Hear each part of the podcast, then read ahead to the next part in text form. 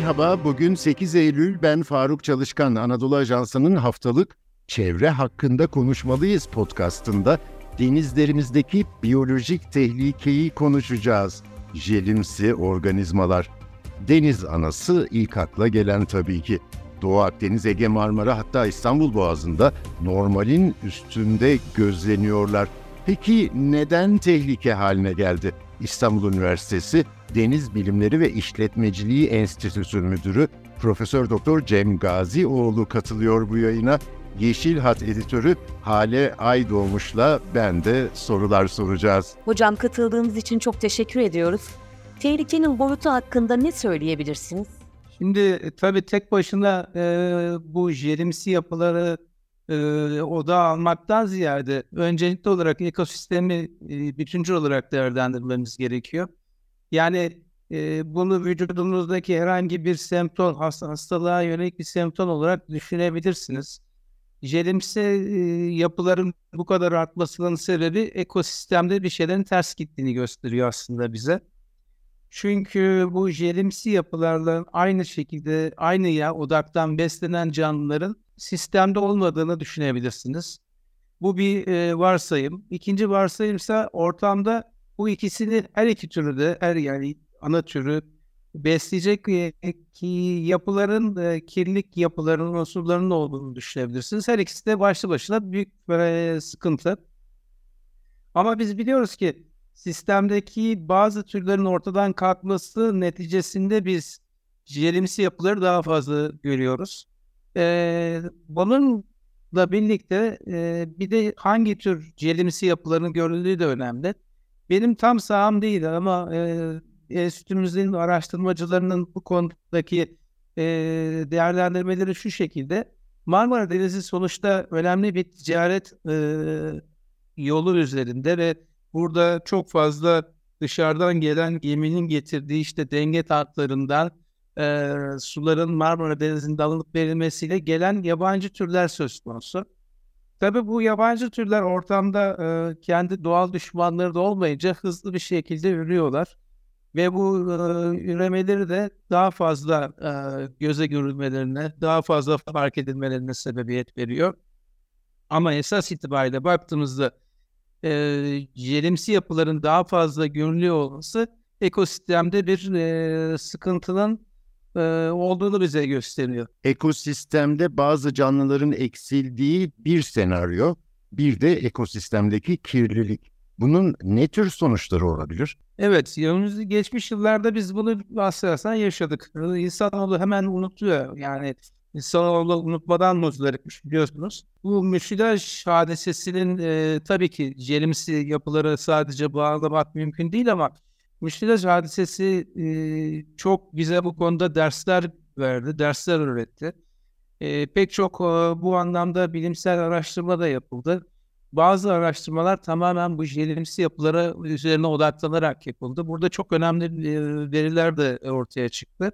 Ve görüyoruz ki çok fazla bu konuda yayın da söz konusu. Tabii en kötü senaryo müsilaj gibi bir hadisenin yeniden e, görülmesi olur. 2022 Kasım Aralık ayı gibi biz e, bu sene 2023 için bir müsilaj oyun görmediğimizi e, paylaştık. İlgili makamlara da e, bunu bildirdik. Doğrudur gene tekrar edeyim. 2022 Kasım Aralık ayı gibi. Bu senede mesela 2024 için e, ben uyarımı veya e, işte beklentimi 2023 Kasım Aralık ayları gibi e, bildirmeyi planlıyorum. Çünkü bizim sistem böyle çalışıyor. Şöyle bir şey yok. Yani Nisan ayı geldiğinde efendim müsilaj olacakmış diye e, davulu boynumuza asıp dolaşmanın pek bir anlamı yok. Zaten müsilaj olmuş oluyor. Şimdi e, bunu neye göre belirliyoruz? Tabii e, çok sık e, sefere çıkmak, çok sık örnek alarak biz bunları yapabiliyoruz.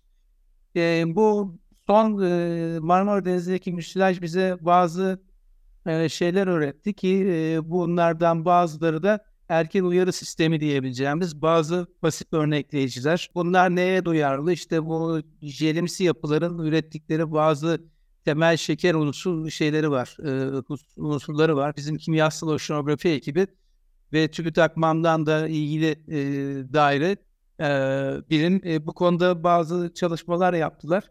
Yani daha donanımlıyız, daha bu konuya vakıfız. O yüzden biz e, sistemi daha iyi izleyebildiğimizi görüyoruz. Pek çok ilgili bilim de e, bu jerimsi yapıları özellikle odağına almış durumda. Özellikle su ürünleri mühendisi e, arkadaşlarımız, e, akademisyen arkadaşlarımız bu jelimsi yapıları biraz odaklarına alarak çok güzel projeler gerçekleştiriyorlar. E, açıkçası bunlardan da olumlu e, dönüşler çok yakın zamanda alacağımızı düşünüyorum. Tabii şöyle de bir şey yok. Bu jelimsi yapıları bir düşman haline getirmenin de çok anlamlı bir tarafı yok. Şöyle ki bunların normal e, şartlar altında esasen e, ortamda fazla olan organik maddeyi, mikroplanktonları sürdüğünü de biliyoruz. E, o yüzden e, şimdi bu jelimsi yapıların normal ortamda olması gerektiği kadar olması bir sıkıntı teşkil etmiyor. E, çok aşırı çoğalmaları, sistemi tamamen domine etmeleri ve yüzeyde bir tabak haline getirmeleri bunlar sıkıntı. Bir de yanlış bir inanış daha var. Onu da düzeltmek lazım. Bu jelimsi yapılar gün içerisinde e, yüzeye çıkabiliyorlar, daha derine batabiliyorlar. O yüzden hani e, sadece e, aynı bölgede yüzeyde bir saat önce görülmesi veya e, efendim görülmemesi bu bir yanlışa bizi itmemesi gerekiyor. O canlılar esasında su kolonu boyunca hareket edebiliyorlar. Çok pasif değiller yani. Hareketli canlılar. E, o yüzden e, biraz daha böyle e, algıda seçicilik yaparak yaklaşmakta fayda var. Hocam ekosistem birçok açıdan saldırı altında. İklim krizinin etkilerini de konuşuyoruz. Siz de bir özet yaptınız. Size göre en acil ele alınması gereken konular neler? Bunları da bir e, sıralayabilir miyiz? Evet. Şimdi öncelikle iklim çok ciddi bir dönemden geçiyoruz. Nedir? Bu iklim değişikliğinin en fazla etkilediği günler bu. Bu sene özellikle su sıcaklıkları hiç ummadığımız kadar yüksek değerlerde e, ölçtük. Bir beklentimiz vardı açıkçası. E, Marmara Denizi özelinde özellikle konuşuyorum. Hani belli oranda ortalamaların üstünde bir sıcaklık artışı bekliyorduk ama yüzeyde özellikle ilk 20 metrede e, çok e, beklentilerimizin üstünde, beklentilerimizin neredeyse iki kat üstünde ölçümler yakaladık. E, bunların ortalamaya vurduğumuzda da e, yani yaklaşık 50 sene öncesine kadar Marmara Denizi'nin bir, bir buçuk derece daha sıcak olduğunu biliyoruz. En azından yüzey. Tabii bu Marmara Denizi'nde bunun e, kendi başlı başına etkisi şu oluyor. Marmara Denizi iki kaynaktan besleniyor. Yüzey suları Karadeniz'den besleniyor. Ve bunlar e, esas itibariyle organik madde açısından çok zengin sular. E, bir de aşağıda Akdeniz suları e, geliyor Çanakkale Boğazı'ndan batarak. E, bu sularda esas e, besin tuzlarını üstten çeken malzemeden, malzemeden e, alıyorlar. Şimdi üstteki yapıyla alttaki yapı arasında bir karışım öngörüyoruz. Biz karışım olmasını bekliyoruz. Bu doğal olan da var. Fakat yukarıdaki yüksek sıcaklık değerleri bu karışımı düşürüyor. Ee, siz yukarıyı organik olarak çok beslediğimiz için, yani bizler çok beslediğimiz için Marmara Denizi'nde üst tabakada kalıcı bir sıcaklıkla birlikte aşırı bir organik madde birikimi e, buradaki ve karışımın e, olmaması, yüksek sıcaklık sebebiyle bu karışımın olmaması oksijen e, değerlerinde de bir sıkıntıya e, sebebiyet verebiliyor ki bunu e, bu son seferlerimizde izledik.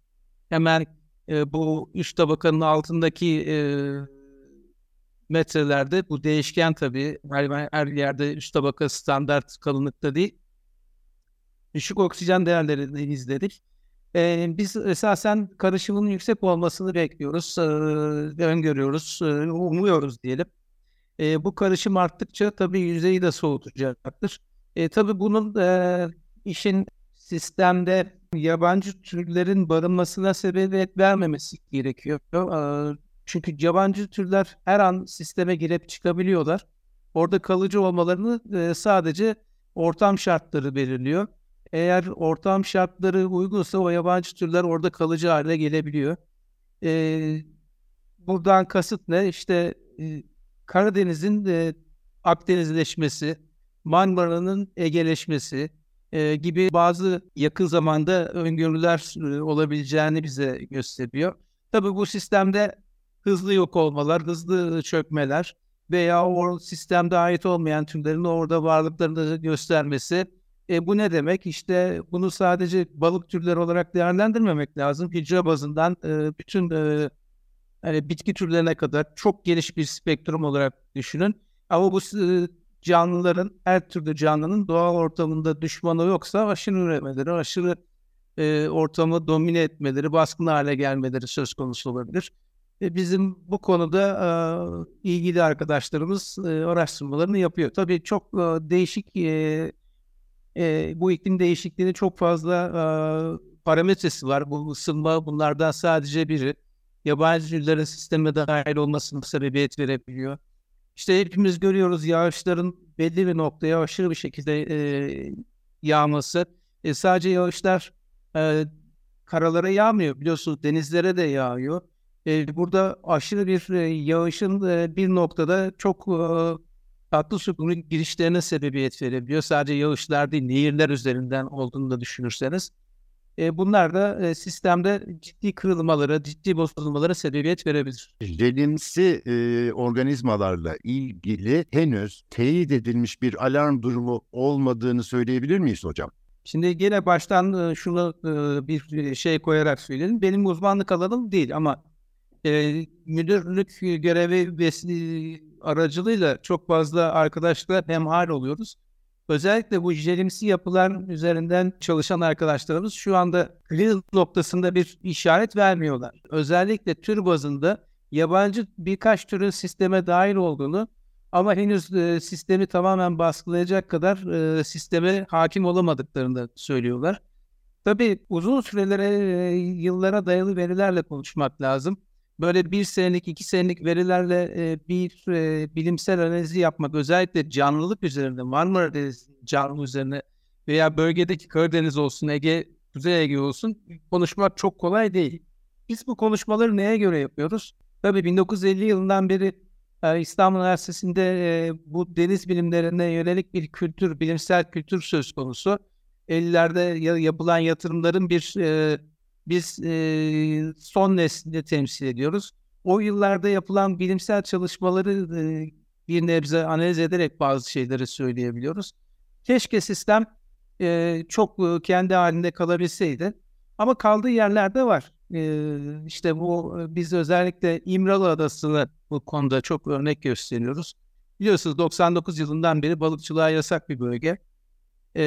Şimdi burada biz biliyoruz ki bu yasak aynı zamanda orada muazzam bir ekosistem, sağlıklı bir ekosistem geliştirmiş durumda.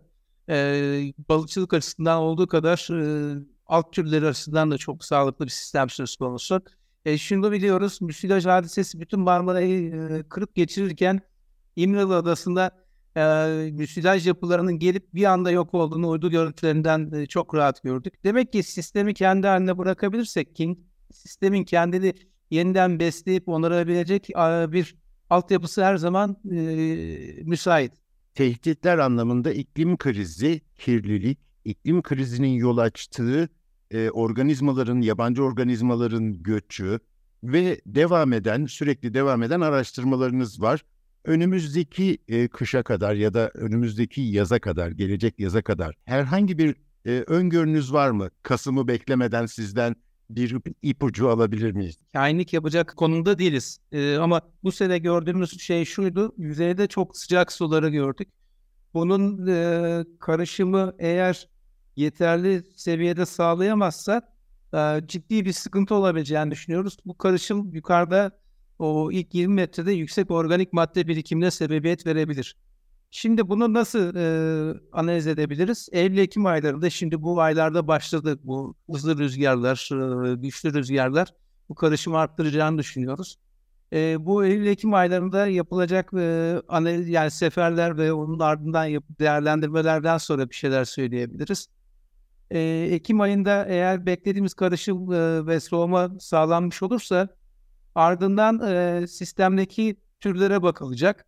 E, ve bu sistemdeki türler eğer e, beklentilerimiz, beklediğimiz kompozisyonu e, sağlarsa sağlıklı bir ekosistem varlığından bahsedebiliriz. Eğer sağlamazsa ne olur? O zaman alarm çal, çalı çalabilir. Yani şu anda bir alarm çalı, çalacak bir e, elimizde veri yok. Sıcaklık dışında sistemi e, etkileyen bir husus yok açıkçası.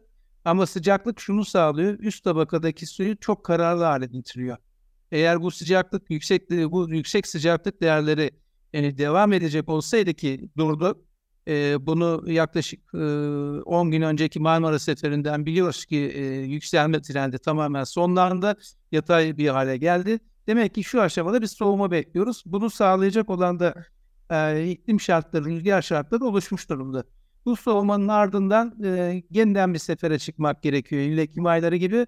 E, eğer bu yukarıdaki kararlı sıcak tabaka dağılmaya başladıysa, çözül yani karışım başladıysa e, kompozisyonlara bakılacak. O kompozisyonlarda beklediğimiz bir dağılım söz konusu olursa o zaman alarmı çalarız. Profesör Doktor Cem Gazioğlu ve Yeşil Hat editörü Hale Aydoğmuş'a çok teşekkür ediyorum. Bizi hangi mecrada dinliyorsanız orada abone olmayı lütfen unutmayın. Hoşçakalın.